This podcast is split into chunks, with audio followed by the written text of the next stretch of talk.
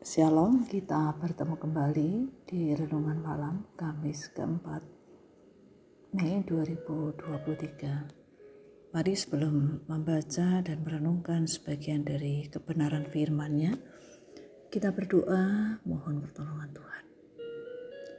Bapa yang di surga, kami berterima kasih oleh karena pertolongan Tuhan. Kami dimampukan untuk menjalani menghadapi realita hidup sepanjang hari ini.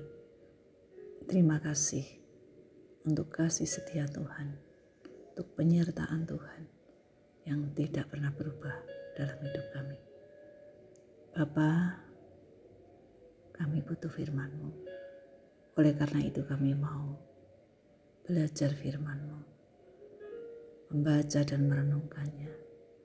Mari Roh Kudus Tuhan menolong kami dimampukan untuk memahami dengan benar, dimampukan untuk setia dan percaya kepada Tuhan selama-lamanya, dimampukan untuk merasakan kasih Tuhan dalam menghadapi berbagai macam hal. Terima kasih Tuhan, kami berdoa, bersyukur dalam nama Tuhan Yesus. Amin. Mari kita memperhatikan dari Injil Yohanes pasal 9 ayat 6 dan 7 demikian firman Tuhan. Setelah ia mengatakan semuanya itu, ia meludah ke tanah dan mengaduk ludahnya itu dengan tanah, lalu mengoleskannya pada mata orang buta tadi. Dan berkata kepadanya, Pergilah, basuhlah dirimu dalam kolam siloam Siloam artinya yang diutus. Maka pergilah orang itu yang membasuh dirinya lalu kembali dengan matanya sudah melek. Dalam kisah-kisah sebelumnya, Yesus melakukan mujizat hanya dengan perkataan. Tetapi dalam kasus orang buta ini, Yesus tidak demikian.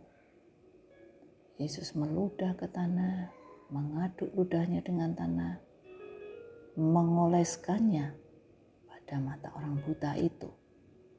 Yesus mau agar orang tersebut dapat merasakan sentuhan tangan kasihnya. Ia pun meresponi dengan baik karena ia tahu akan membawanya pada kesembuhan seperti yang diharapkan. Meskipun orang buta itu tidak langsung sembuh atau dapat melihat, ia harus berjalan untuk membasuh dirinya ke kolam Siloam sesuai dengan perintah Tuhan. Orang itu pun percaya bahwa Yesus mengasihinya. Saat itu juga ia langsung taat setelah mendengar perintahnya. Melaksanakan perintahnya untuk membasuh matanya, membasuh dirinya di kolam Siloam ketaatannya membawanya untuk bisa mengerti bahkan menerima yang diharapkan. Di mana seketika itu juga ia dapat melihat. Siloam artinya yang diutus. Orang itu dilahirkan dalam keadaan buta secara jasmani ia memerlukan kesembuhan dan keselamatan. Yesus datang menjadikan ia dapat melihat secara jasmani, bahkan menyelamatkan dari pelanggaran dan dosa. Jika kita memperhatikan yang Tuhan lakukan, sepertinya sulit dipahami, tidak masuk akal. Mata buta diolesi dengan tanah yang dicampur dengan air ludah. Namun yang tidak masuk akal ini dalam kenyataannya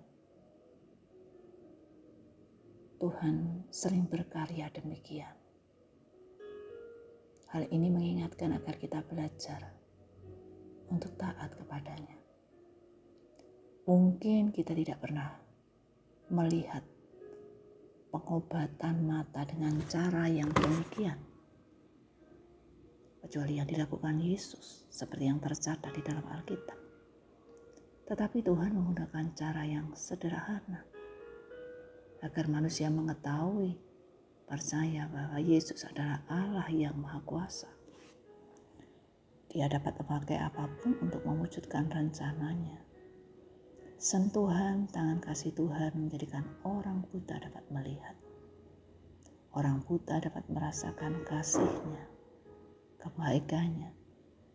Kemudian ia pun mengakui bersaksi pada sesama yang menjadikan siapa yang menjadikan dia dapat melihat. Tuhan mengutus orang buta ini agar ia bersaksi, agar ia menceritakan apa yang dialaminya. Sekalipun Tuhan tidak terus terang mengutus dia demikian. Namun orang buta itu melakukan hal itu. Dia tidak bisa diam untuk tidak mengatakan siapa yang menyembuhkannya. Siapa yang menolongnya ketika orang-orang yang di sekitarnya mengetahui bahwa sejak lahir ia buta, namun saat itu ia bisa melihat. Jika kita merenungkan kehidupan kita hingga saat ini, Tuhan pun juga menyatakan sentuhan tangan kasihnya setiap saat. Ia menguatkan, menghiburkan, menuntun, menolong kita anak-anaknya melewati kehidupan setiap hari dengan berbagai macam realita yang ada dengan segala sesuatu yang diizinkan untuk kita alami. Marilah kita belajar peka untuk merasakan kasihnya.